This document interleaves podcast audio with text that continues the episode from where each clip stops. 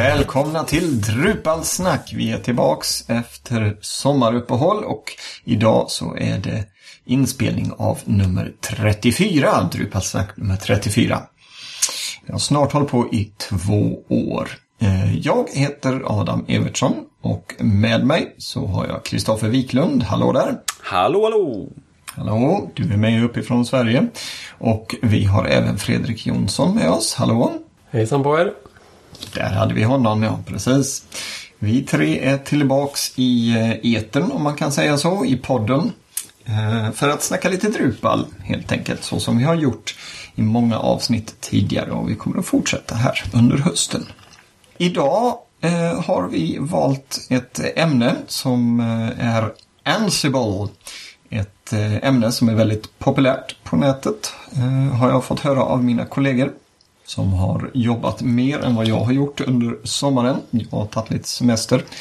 Ehm, och eh, Ansible är det ämne som vi ska prata om. Jag eh, har ju missat den här lilla hypen så att eh, jag kommer helt enkelt med att börja och fråga er två. Vad är Ansible och varför ska man bry sig? Fredrik, vad, vad skulle du svara på den frågan? Ansible är intressant om man sätter upp sina egna servrar och sina egna utvecklingsmiljöer. Eh, för det är ju ett automa automationssystem för att sätta upp servrar så att man gör i princip en typ av skript. Precis hur man vill att servern ska vara inställd, vilka Apache-inställningar man vill ha, vilka POP-inställningar, vilka kronjobb man vill ha. Allt, allt det man brukar göra på en server när man sätter upp den gör man i skriptform. Och så kan man bara trycka iväg det till en server och så blir den så. Och om man vill ha det på en server till så bara skickar man iväg det dit och så kan man ha hundra servrar som ser likadana ut. Och den dag man kommer på att eh, nu ska vi nog byta från Apache till eh, Nginx istället. Då skriver man om skriptet och så trycker man ut det till alla sina hundra servrar eller tio eller två och så är de ändrade. Och blandar man in sina lokala utvecklingsmiljöer som man kanske vill ha likadana så är det ju ännu smidigare att man alla utvecklare kan få sina små virtualbox där man har sina Linux-servrar lokalt och jobbar mot kan få dem också uppdaterade automatiskt. Så det var mm. väl lite kort vad Ansible gör. Mm. Det låter ju smarrigt och eh, snajsigt och helt eh, över mitt huvud. Så att eh, det ska bli skönt att vi kommer att gå in djupare på detta. Kristoffer, håller du med om Fredriks beskrivning eller hade du velat lägga till något eller bara skriva över totalt det han sa? Nej, jag tycker det är precis det man gör. Eh, mm. man, man, man skriptar både installation och maintenance på ett smidigt sätt i Ansible. Och då mm. måste vi ju säga så här eftersom vi är ju en fri radio att det finns ju såklart andra alternativ som kan lösa liknande saker. Men jag och Fredrik vi har valt Ansible i sommar. För att vi, vi tyckte den verkade bra. Det är lite intressant mm. att vi faktiskt eh, eh, båda upptäckte att vi hade valt eh, Ansible. Och man kan säga att de andra tre stora är ju den största och den eh, första var väl eh, Puppet. Och sen kom, var det lite konflikt där så startade ett gäng folk Chef. Och sen finns det ett system som heter Salt som är väl någonstans mittemellan Puppet och Ansible. Så vi har Puppet, Chef, Salt och Ansible. Jag tror Ansible är den, det nyaste systemet. Varför mm. Var, varför landade ni på Ansible, Kristoffer? Ja, eh, i, i eh, webbsystem så har vi en tredje kille som är serverexpert men som jobbar på annan firma. Så att vi, han har han bara som expertkunskap. Så att i sommar så hade han lite fritid och då sa vi titta nu på Puppet och Ansible och säg vilken som är bäst. Och det här är en kille som är inne och eh, skriver patchar till Linux-kärnan. Så att eh, han är väldigt inne på sånt. Och han kom tillbaka och säger att eh, Ansible, det är det som är bäst. Och sen, och det var egentligen den så här, det var så vi valde först. Sen började vi använda det hela och då inser vi att vi har gjort helt rätt. För att Ansible är ju uppbyggt kring att man, man har ingen klient som du installerar på dina servrar som ska eh, ringa hem och fråga finns det några ändringar, ska jag ändra mig? Utan eh, det man gör i Ansible är att man, man trycker ut inställningar. Från den datorn jag sitter trycker jag ut mina inställningar Som om jag skulle ha suttit vid terminalen själv. Men jag kan få servern i precis det state eller det, med alla inställningar som jag vill ha. Och det kändes väldigt lämpligt för att vi eh, vi har ju lika, eller sådär, vi jobbar ju lika mycket med privata Linux-maskiner som med jobbets Linux-maskiner. Så det är lite svårt att skilja mellan fritid och jobb. Och med Ansible så finns inget problem. För det jag gör på fritiden kan jag ju lika gärna köra på jobbet utan att det finns något spår utav fritidssakerna åt andra hållet. Så därför så har det bara känts jättebra att köra Ansible. Och sen ett anledning också varför papp, eller, eh, blev väldigt lämpligt för oss. Det är att vi sitter i, eh, i vissa projekt där kunden har en server eh, där det finns också andra administratörer på samma maskin. Och då vill vi ju inte riktigt att vi ska ha någon sån callback-funktion eh, till vårat interna nätverk. Men med eh, Ansible så är det ju, det är ju som att vi skulle bara suttit vid terminalen och skriva SSH. Så att då är, då är det bara att trycka ut sina saker till den här maskinen. Och vi vet att det vi har gjort är, eh, är rätt och riktigt. Och sedan så eh, kan man ha en annan administratör som får vara inne och ändra på sina saker. Men när vi gör en kontroll, för att de här, när man trycker ut inställningar så gör man man, kör, man kan köra om skriptet en minut senare och det är ingenting som går sönder utan det enda man får tillbaka det är att allt är, är som det ska. Så att man får notifiering om någonting är ändrat. Då står det, då är det en gul text och säger att det här har blivit changed eller det här har ändrats. Medan är det grönt då är allt som det ska. Det låter ju otroligt smidigt. Eh, vi hörde varför du eh, och webbsystem valde Ansible. Eh, Fredrik, hur kommer det sig att du fastnade för Ansible nu under sommaren? Jag har på lite projekt, jag har inte själv satt upp sådana här system tidigare, men jag har jobbat på projekt som har använt Puppet. Både på ett stort amerikansk uppstart, sen alltså en ny social plattform jag jobbar med förra året använde det och nere på Al Jazeera så använder vi för servrar. Och Puppet är ett otroligt stort och kompetent system. Men det är skrivet i Ruby. Som jag, ja, jag är inte riktigt gillar att titta på Ruby-kod av någon orsak. Och det blir ganska komplext också. För man måste skriva det i, i Ruby-kod. Man kan göra väldigt mycket med det. Men jag tyckte alltid att det kändes... Det var alltid en himla massa pill med det. Och det kändes också så här onödigt stort. Det verkar som byggt för liksom Fortune 500-företag kändes det som. Och så att man måste köra, med Puppet måste man köra en klient på, på varje server som man vill att ska hanteras så måste man installera Puppet-klienten på den servern. Den klienten kör sedan då pools mot en Puppet-server. Så man måste ha en, ha en Puppet-server och så köra klienten då på varje dator. Och jag tyckte det kändes eh, på tok för, för stort och lite klumpigt och jag var väldigt intresserad av sådana system så och Chef är ungefär likadant fast värre. Eh, men då ramlade jag på um, Ansible som dels är gjort i Python. Python är ett jättetrevligt språk. Och dessutom så behöver man det bara när man ska skriva egna moduler vilket um, är nog rätt ovanligt om man inte är på ganska hög nivå. Så man behöver alltså, komma ner på Python-nivån för alla, alla de skript och sånt man gör gör man i det kallas för YAML-filer. Håller man på med Drupal 8 någonting så kommer man känna igen YAML, eller YML som är ehm, filändelsen. En eh, enkel typ av inställningsfil, en textfil som är formaterad på spelet sätt. Och så kommer alla inställningsfiler i Drupal 8 se ut. Och det använder Ansible också, det är en, eh, har blivit en mer och mer vanlig standard. Eh, så att det är väldigt enkla filer att skriva. Och väldigt tydliga och ja, man har det är väl lite hur man tänker som programmerare och sånt där också. Men jag tycker Ansible passar mitt sätt. Och jag hör ju att Kristoffer är likadant. Passar vårt sätt att attackera problem väldigt mycket. Väldigt rakt på sak och enkelt. Och just att Python finns installerat nästan på varenda Linux-distribution du har så finns Python. Jag har svårt att tänka mig att det finns någon där det inte är förinstallerat. Så normalt behöver man inte göra någonting på det. Man behöver bara en SSH-anslutning som dessutom gör det väldigt, väldigt säkert. Gör det precis lika säkert som SSH. Så det är som enkelt snabbt att komma igång. Du kan skriva några få rader kod och börja med några enkla inställningar. Det, ja, det funkade och så bara bygger man vidare på det. Allting körs i exakt den ordning som man har skrivit i listan. Som inga funderingar så. Så jag är otroligt nöjd med mitt val. Och sen också, du sa det här med att det är ju YAML-filer, så det känner man igen från Drupal 8. Men sedan så har man ju till exempel inställningsfilen, eller filer, om man sa pop.ini. Den eh, lägger man in i sin Ansible och sedan så eh, gör man som en template-fil som man fyller på med variabler. Och formatet på den template-filen som man bygger upp, det heter Ginja 2. Vilket mer eller mindre är Twig. De är, har som, de, ja, de är lite olika, ena för Python och ena för POP.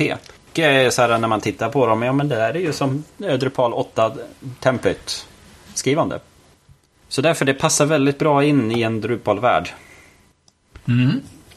Vad härligt. Hade, bara för att täcka in om, även om man inte hade pysslat med Drupal så uteslutande som vi faktiskt gör, eh, hade det då ändå varit ett bra alternativ? Jag antar det, men eh, bara för att höra er erfarenhet prata här. Ja, ja det tror jag absolut. Och det verkar vara ett ganska snabbt, Ansible verkar växa ganska snabbt. Även om Puppet och Chef är, är större idag så tror jag Ansible är, räknas som det nya fräscha alternativet som är och det kan tänkas att för de här riktigt stora företagen kan ju behöva allt den här lite överlastade Puppet och Chef. Och kanske passar bättre för ja, när du har liksom hundra eller tusentals servrar. Men för oss som har från två, tre till ja, eh, sällan över hundra servrar så tror jag Ansible är... För, för en, du får en mindre investering i tid så får du tillbaka mer. Sen är det väl det att pappet, när du har en klient som är ute som kör en callback så kan du ha en, en monitorering utav servrarna och se att de är igång och du kan få fram data att pappet server har ett gränssnitt och se vilka servrar är jag verkligen har kontroll. Mm. I Ansible så har ingen kontroll på vilka servrar du har kört på. Egentligen. Det finns, ju ing, det finns ingen sån koppling. Ja, din hostfil där du har listat alla, alla som du kan köra mot men... Mm. Och när vi, just det med hur Ansible är byggt som så är det ju som så att man, man skapar en katalog i, på en Linux-server eller en Mac-dator. Eh, man ser till så att man har installerat Ansible eh, eh, paketet eller så här, själva serverprogramvaran på den datorn. Sedan så kör man Ansible emot sin katalog där man har skapat sina olika playbooks. Det är alltså typ så här, det här ska du köra igenom. Och då kommer Ansible-paketet eller programmet läsa utav ens konfigurationsfil och gå ut och göra alla kommandon emot servern som man har eh, valt att ansluta emot. Och servrarna har man då i ett inventory. Det är textfiler som man skriver namn på och eh, säger att de här ska vara i de här grupperna. Och eh, sedan så har man en inställningsfil där du har inställningar så att du kan ha generella eh, inställningar och säga att eh, POP-minnet ska vara 128 megabyte eh, på alla våra servrar. Men för just den här hosten då gör man en, en lokal eh, fil som overrider där man säger att för den här hosten ska det vara 256 megabyte. Så sen när man kör ut sina playbooks där man har beskrivit hur hur eh, lägger jag in eh, POP in i konfigurationen? Då har man, eh, man har som en taskfil där man skriver vad som ska göras. Då hämtar man den POP in i template-filen och säger den ska tryckas ut här på varje maskin. Och då kommer den kolla vilka variabler som finns per host och göra den unik för varje host. Och det här eh, när man sätter igång det här på sin maskin som man sitter vid som, man kan kalla det server, men det, är ju bara varje klientmaskin som man har. Där den, när man trycker ut det hela så spelar det ingen roll om man trycker ut det till en eller hundra datorer. För att det görs parallellt. De här äh, tasklisten kommer att köras mot alla maskiner parallellt. Så då gör man alltså eh, 100 SSO-anslutningar. Där man uppdaterar alla eh, maskiner eller verifierar att de är eh, enligt den konfiguration som man har valt. Så därför när man har gjort det här till en maskin så kan man skala upp till tusen utan problem. Det är, det är hur enkelt som helst. Så att, och de här playboxen kan ju vara att installera in Apache, eh, installera in hela maskinen eh, med alla program. Men det kan också vara en playbook som det enda den gör det är att kontrollera hur står vi till med eh, apt-get? Är alla paket uppdaterade på den här maskinen? Och så får man en lista tillbaka där så här, nej, de här maskinerna har kommit en uppdatering. Eh, oftast så är det ju samma uppdatering som kommer, men det kan tänkas att man har en mailserver Eh, som, eh, och sen har man en webbserver. Så man kör uppdateringsskriptet emot mot båda maskinerna där mailservern har fått lite uppdateringar. Och då kan man sen i Ansible har man en annan playbook där man säger uppdatera alla maskiner. Och sedan så uppdateras de eller starta om dem. Så gör man det hela ifrån sin, eh, sin egen dator. Så att det är väl lite grann hur, hur Eiger är uppbyggt. Man har en egen katalog som man kör i Git helt enkelt. Eh, för att versionshantera sina inställningar. Och sedan eh, använder man Ansible-programmet mot den katalogen. Och den här, eh, de här eh, inställnings... Eller sin eh, ja, mm, katalog där man har gjort sina playbooks. Det är ju sånt som väldigt enkelt går att publicera på eh, GitHub. Man kanske har gjort en playbook för att installera in eh, Apache eller gjort en för att installera in eh, en Eiger-server eller vad som helst. Så då kan man publicera dem och så kan man titta eh, och dela med sig och förbättra dem. Du har ju också Ansible Galaxy som är... Ansible själv har ju en webbplats just där man kan dela sådana här um, roles. Det, om jag minns rätt så finns det eh, färdiga roles för Drupal-servrar och sånt. Så hittar man någonting som är lämpligt där så kan man ladda hem det direkt och lite anpassa för sig själv bara och trycka ut på sin server. Se där. Mm. Härligt med eh, att på ett enkelt sätt kunna dela med sig och eh, se vad andra har gjort och lära sig av det. Kristoffer, du eh, har kommit igång med det här ordentligt. är det något som du Fredrik skulle vilja tillägga här utöver det som Kristoffer har berättat just med själva eh, playbooks och eh, liknande? Det är väldigt trevligt att jobba i. Jag, jag håller på att bygga upp nu så att eh, mina servrar en efter en eh, eh blir Ansible-kontrollerade. Och det kommer göra det väldigt mycket enklare att eh, alltså i framtiden, alltså om någonting, någonting, skulle hända kan man snabbt sätta upp den igen eller om man, om man flyttar, vill hyra sina VPS på ett nytt företag. För annars normalt så kan det ta en dag att sätta upp, kopiera över alla inställningar och sådär. Nu kan man bara mm. köra sitt, uh, sin playbook så tjong, fem minuter senare så ser den nya servern exakt ut som den gamla. Mm. Ner till sista lilla kommat i inställningsfilerna. Härligt. Och, och, eh. där kan jag säga ett steg varför vi tog och gjorde det här nu i somras. Det var ju för att Ubuntu 14.04 kom. Och då kände vi att ja, det är dags att uppgradera våra servrar. Och då ville vi ha ett sånt här verktyg. Så att eh, det har slutat nu att vi har uppgraderat alla våra servrar. Vi är uppe i något tiotal nu på olika eh, sätt. Men det är en maskin som är kvar och det är mailservern. Och det är vårat, den här tredje killen Jonas. Det är hans ansvar att fixa ordning mailservern. Han har inte kommit till skott medan vi har gjort resten.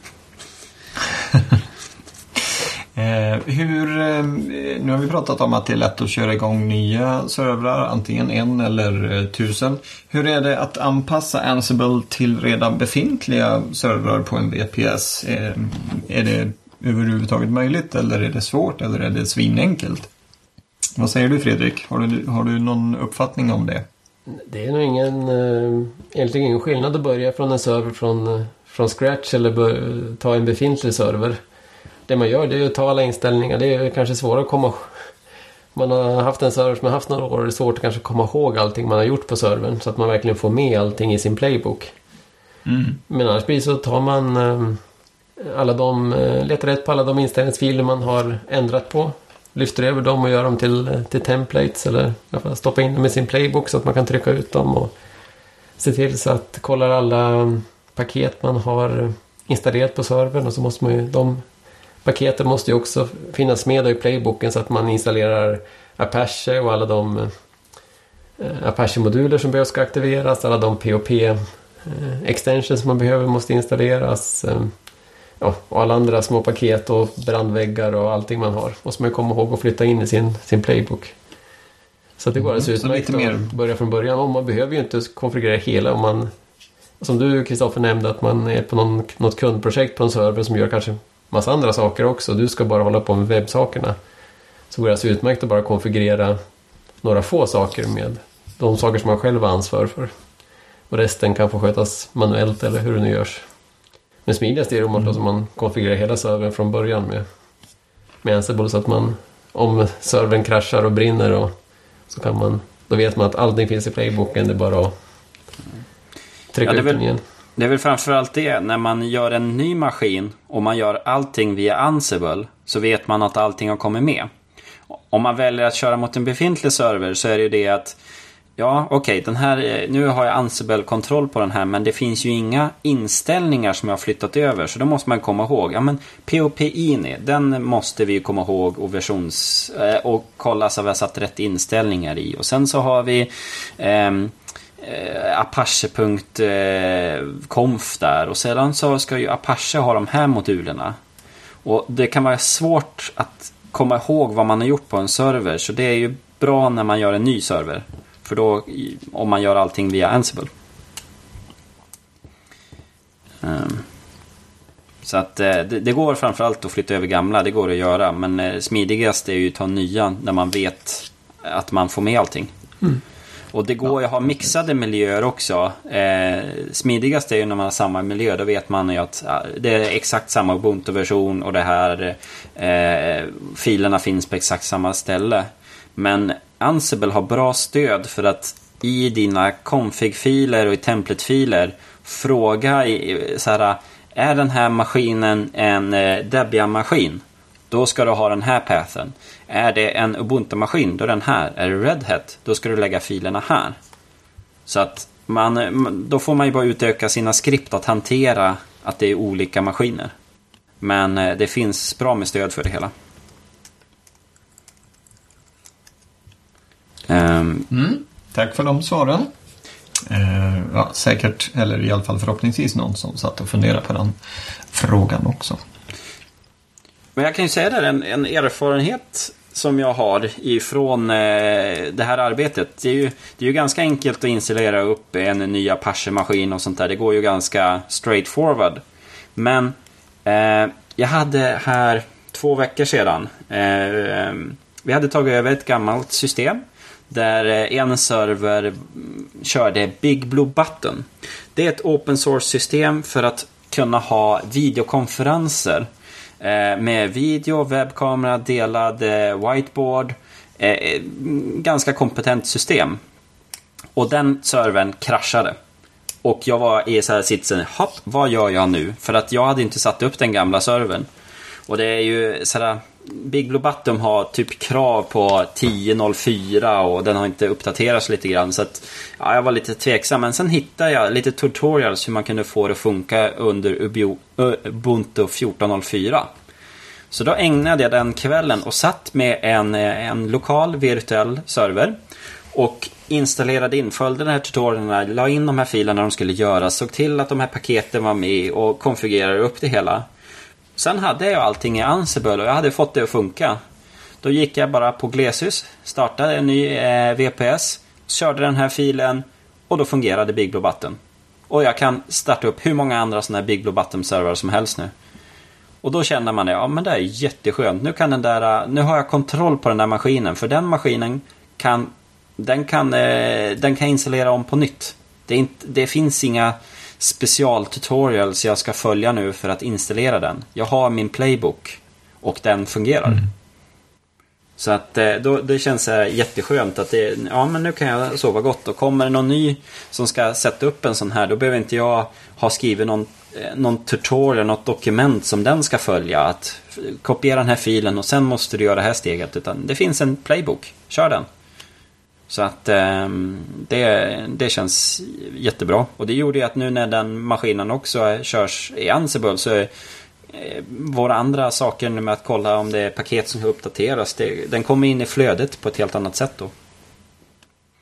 Och ja, vi hade en liknande sak. Vi satte upp eh, Elasticsearch gör man det först på en, en, en egen virtuell maskin, en dev-miljö.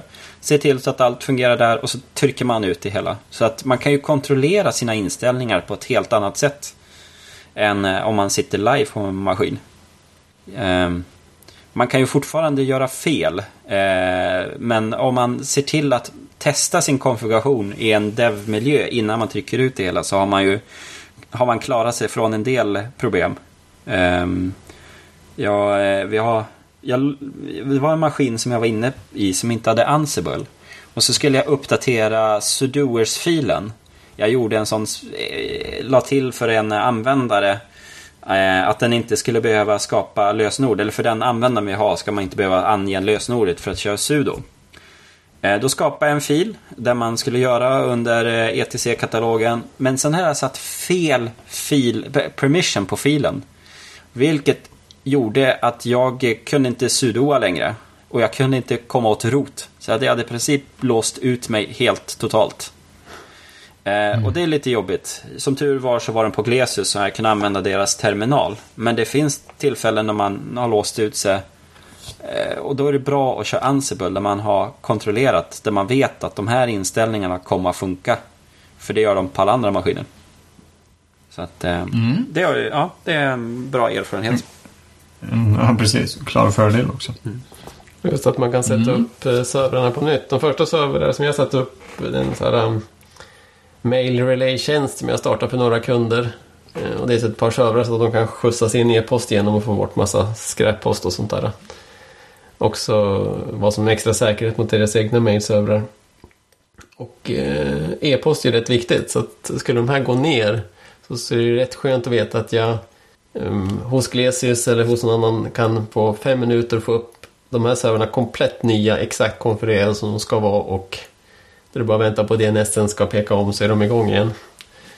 Det är verkligen en trygghet och känns som att man kan leverera en bra tjänst till kunden. Att man vet att man kan... Eh, man brukar prata om att man ska fail well. Alltså att man ska räkna med att saker ska, ska rasa ner och gå sönder och så ska man veta att även om det värsta händer så ska man kunna komma tillbaka och få, få till sakerna igen snabbt. Mm. Mm. Eh, tack för detta. Eh, ni har också, eh, eftersom det är ni två som har eh, föreslagit eh, det här ämnet och eh, kan mest om det så har ni även lagt in ett par puckar här i vår diskussionslista om Vagrant och VirtualBox och även om Eiger. Eiger har vi ju pratat i, Eh, om i våra tidigare program eh, och i viss mån även Vagrant och VirtualBox också. Eh, vem av er är det som har föreslagit att vi ska prata lite om Vagrant och VirtualBox nu när vi pratar om Ansible? Det, var det du Kristoffer eller var det du Fredrik? Det, det, var jag. Jag har experimenterat lite grann med det. Jag har ju kört en del eh, på större projekt jag jobbat så har alltså Vagrant och VirtualBox är väldigt populärt idag att använda för att sätta upp Sitter man och jobbar lite själv så, här, så kan man ju köra en MAMP eller VAMP för att ha en lokal server när man sitter och utvecklar. Det är ju väldigt vanligt och fungerar alltså utmärkt ofta. Men på lite större projekt så vill man ju ofta ha... Man vill ju att miljön där man sitter och utvecklar i ska vara så lik produktionsmiljön som möjligt. Samma POP-version och sånt där. Och att man kanske har Apache Solar och Memcache och massa extra tjänster som man då vill kunna köra även lokalt så att man verkligen vet att jag testar inte mot någon annan miljö. Sen hoppas jag att det ska fungera i produktion också. Utan jag, man testar mot någonting som är i princip exakt likadant som produktion så har man inga obehagliga överraskningar när man trycker ut koden. Eh, och då har man eh, i de här projekten ofta använt eh, då Puppet för att så använder man samma Puppet-skript som man använder i, på produktionsservrarna och det fungerar likadant med Ansible då som, som jag börjar använda. Att man sätter upp Ansible för sin, sin produktionsserver. Sen använder man det, samma skript Eh, som man då låter följa med när folk laddar hem eh, sin eh, VirtualBox-miljö. Så att varje gång som en utvecklare kör Vagrant App då startar miljön upp och den här eh, Ansible Provisioning system som eh, Vagrant kallar det körs också. Och ser till så att alla inställningarna är som de ska vara. Så att man kanske har lagt till så många moduler i projektet så att nu måste vi öka POP-minnet från eh, 128 till 256.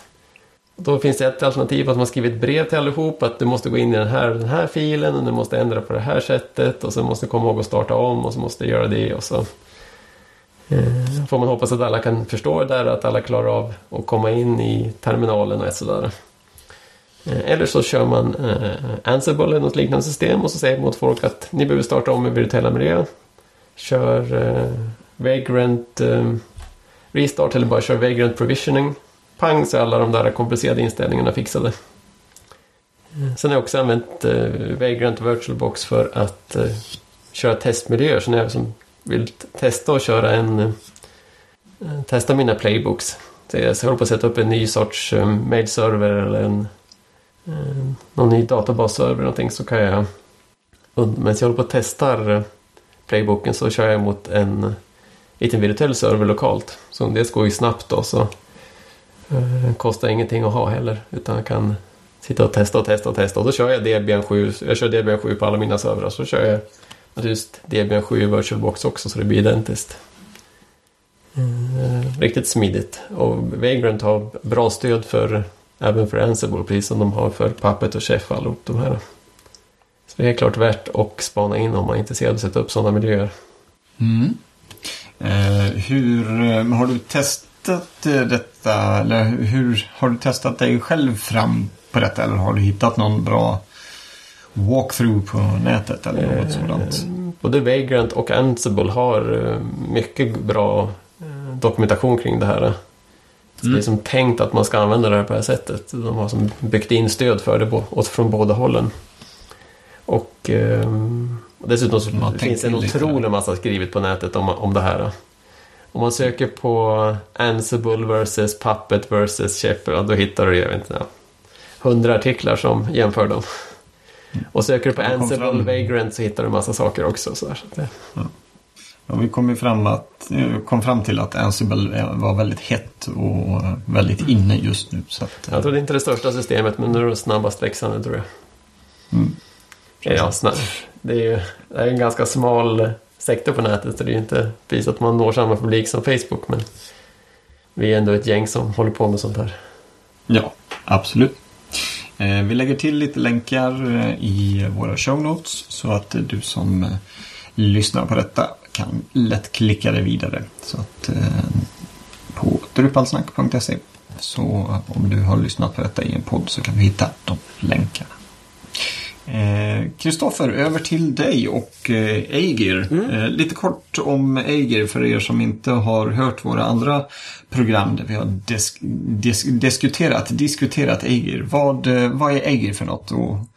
Eiger är ju ett, en sajtadministreringsmiljö för Drupal. Där eh, varje sajt du har är en multisite. Så man flyttar den mellan eh, plattformar, alltså Drupal Core-versioner. Och du kan flytta dem mellan maskiner. Och det här är någonting som vi har börjat jobba med i webbsystem väldigt mycket. Och hur det då binder ihop med Ansible, det är att vi helt enkelt har gjort en playbook. Där vi installerar upp Eiger. För ett Eiger, Ehm, det behöver ner på eh, ganska djup servernivå. För du måste ha en Eiger-användare som ska köra ett kronjobb för att all, allt, vad, allt vad du gör i Eigers webbgränssnitt eh, läggs i kö och sen körs det via kron som ägaranvändaren. Just för att eh, webbservern ska inte ha rättigheter att få flytta filer. Så då har man eh, skyddat eh, miljön genom att man körde via ett kronjobb istället så att man kan se eh, att allt funkar, fungerar. Och då är ju det att det finns ju en del olika inställningar man gör, vill göra med Eiger och lite sånt. Så att då Eh, har vi gjort en, eh, en playbook för att installera det hela. Så att vi har en, två, tre, fyra Eiger-servrar plus två privata Eiger-servrar uppe och körs. Ehm, och då eh, är det ju för att kunna flytta sajter däremellan. Vi har någon utvecklingsmiljö och lite produktionsmiljö och så. Och då eh, ser vi till via Ansible att de är konfigurerade exakt likadana. Det, kommer, eh, det har inte varit något strul med att flytta sajter. Alla moduler, allting fungerar på alla våra servrar. Eh, så att vi har inte hamnat i det att jaha, det här fungerade på utvecklingsmiljön men det fungerar inte där. Och eh, aha, vi måste göra den här inställningen eller så. Utan det är bara det bara funkar och man, via Ansible har vi också sett till så att ja, men vi har rätt drush-miljö, vi har rätt drush-alias. Um, ehm, eh, terminalerna med färger och hur själva prompten ska se ut är exakt likadana. Så man känner igen sig på varenda maskin. Ehm, alla sådana här små saker som man brukar vara inne och göra på en server, det kan man lägga in i Ansible. Så att allt blir likadant. Eh, och det, ja, där känner vi att det, det är jättebra. Just för, för Eiger också, där det är lite extra inställningar. Där man behöver lägga till något repository och lite sånt. Så, ja. Där, där har det varit bra för oss. Mm. Ehm, det var lite mer om Ansible tillsammans med Eiger. Eh, vi börjar närma oss slutet på eh, Drupalsnack nummer 34. Och eh, temat, om ni inte redan har lyssnat på allt detta utan kommer in nu, det är ju att vi har pratat om Ansible. Eh, Kristoffer, eh, något mer du skulle vilja tillägga här innan vi avrundar? Nej, jag tror vi har nämnt allt som går. Eh, Ja, det går ju att programmera egna moduler till Ansible för man jobbar ju väldigt mycket med moduler. En modul som sköter apt-get, det är en modul som hjälper till med Git, det är en modul som fixar Apache-inställningar och just för att minimera vad man skriver i sina taskfiler. För att man kan ju skriva kommandon rakt utav. Men man har lite moduler som håller en i handen och kan hjälpa till. Så att det finns ju mycket där att sätta sig in i. Men eh, det, man har igen det. Vid nästa serverinstallation så har man igen det. Mm. Mm. Fredrik, något som du skulle vilja tillägga här innan vi avrundar? Instämmer helt med Kristoffer bara. Det låter bra. Då har vi nog täckt in eh, det här med Ansible i alla fall så att man ska bli lite intresserad och eh, kanske komma igång och testa och jobba med det. Eh, som jag sa innan, vi samlar våra länkar i show notes på vår webbplats drupalsnack.se. Eh, vi har under förra veckan här eh, twittrat lite om att ni gärna får skicka in tips på vad ni vill att vi ska prata om.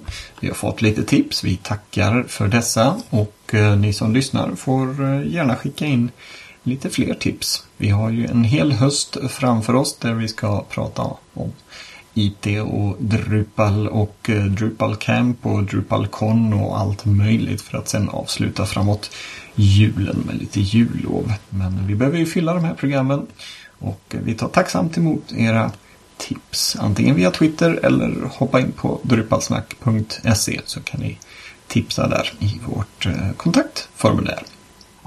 Ge er gärna in i eh, diskussionen också med eh, kommentarsfältet här på drupalsnack.se. Det är alltid kul att få lite feedback och eh, lite följdfrågor helt enkelt. Så att slå er ner och surfa in på vår fina webbplats drupalsnack.se.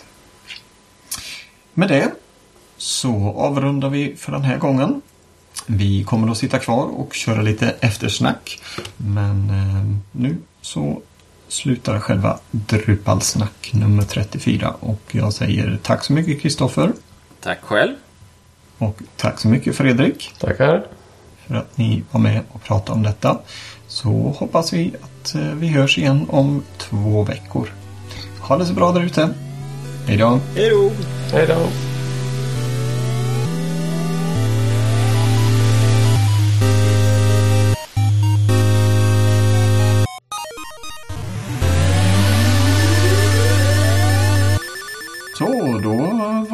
Avsnittet klarat, avklarat. Var hösten igång nu också. Hösten är igång, precis. Vi kör lite eftersnack där det inte bara är IT och Drupal eller servrar eller något sådant. Hösten är här, det vill säga vi har passerat en sommar. Vad har ni haft för er i sommar killar? Är det något som ni känner att ni vill berätta för dem som inte har klickat på stopp och fortfarande är med oss här i eftersnacket? Jag har bara jobbat med Drupal i sommar i princip. Jag jag har inte varit så mycket till stranden för vi har jobbat och jobbat. Jag fick en veckas semester, då var vi till Stockholms skärgård, jag och dottern och sedan frun kom också.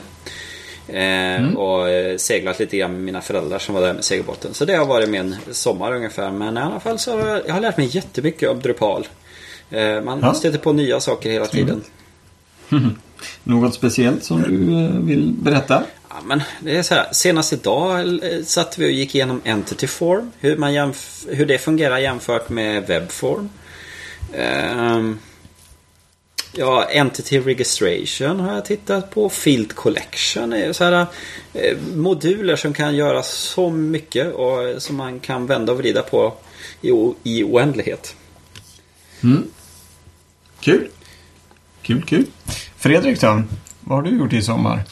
Ja, vi släppte eh, svenskbridge.se. Det måste vi se vad det är för sajt. Ja, precis. Jag kan ju gissa vad det handlar om. Ja. Det är... Jag hade ingen aning om att bridge är så populärt i Sverige. Det är hur stort ja, det, som helst. Det har vi pratat om en gång innan. Mm. Det var säkert nu i våras. Det var ett kul jobb. Vi ska fortsätta lite grann här i, i höst också. De ska bygga vidare mm. lite grann. Men det här var en kund, det är inte så att, att du vurmar för Bridge och har gjort detta på fritiden eller något sådant? Nej, det är en kund. Men jag är väldigt förtjust i all typ av ideell verksamhet och organisationer och sånt där. Så jag jobbar ju gärna åt sådana. Föreningsliv är kul och bra. Mm. Mm. Kommer ju rakt in där har iframat något annat system. ja, de har ju sin gamla webbplats som kör, vad heter den, E107 eller något sånt där system. Och eh, de är ju, de har byggt upp Själva fronten finns nu i Drupal men de har ju massa, de har haft tre, fyra olika system förut. Och några har de då försökt iframa in i den här nya för att folk ska slippa hoppa emellan så mycket. Och det funkar men ser inte så snyggt ut och det är alla väl medvetna om. Men eftersom då under i år och nästa år så ska det väl mer och mer lyftas in i Drupal. Och de eh, utvecklar en del saker själva. De har ju eh, ett par killar som är riktigt duktiga. Som har faktiskt fått lite smak för Drupal. Det var roligt. De, är ju, de har nog egentligen eh, uh, AI.NET programmerare tror jag. Men har börjat lärt sig att skriva Drupal-moduler av riktigt god kvalitet och himla kul kund så. Mm. Lanserar ni den här på Bridgens dag då i förra veckan, 17 augusti eller? Nej, det var precis innan. De hade någon stor festival i Örebro. Det var det Mitten på juli tror jag vi släppte första versionen. Det är jag som gjort mycket av backenden så är det Stockholm Connector som har gjort frontend-sidan.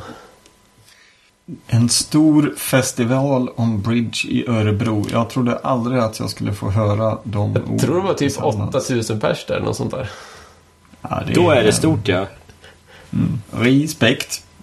Och svenskt U21-VM-guld i Turkiet tio dagars intensivt bridgespelande kunde de 19-åriga juniorerna knyta ihop säcken och ta med sig guldmedaljerna hem till Sverige.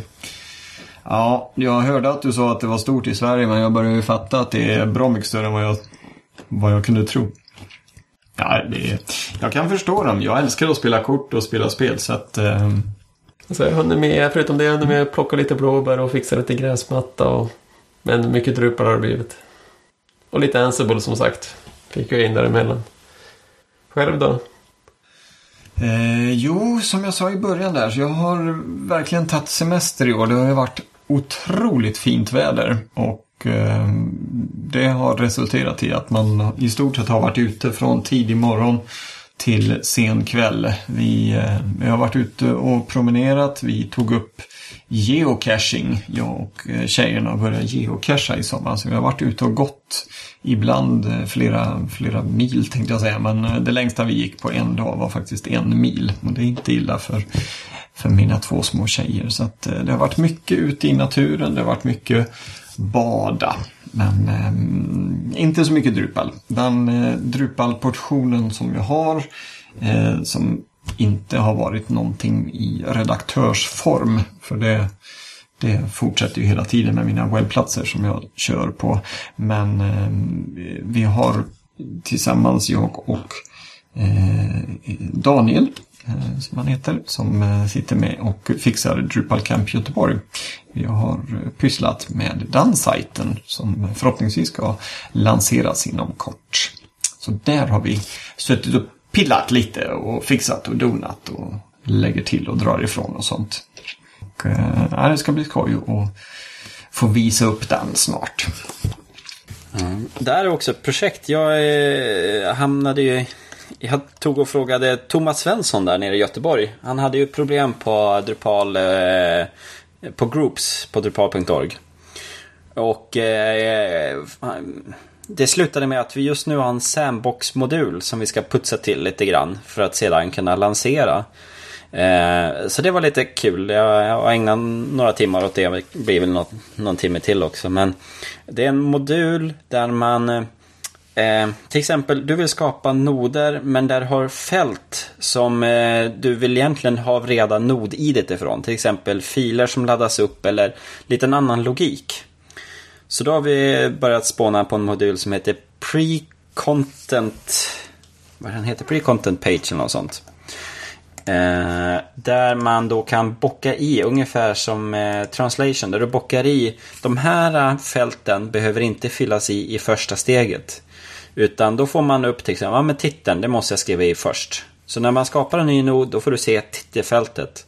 Sedan resten, då har du spara och fortsätt ed editera noden. Då kan du, då får du göra nästa steg. Så att man gör som en tvåstegsnod utav det hela.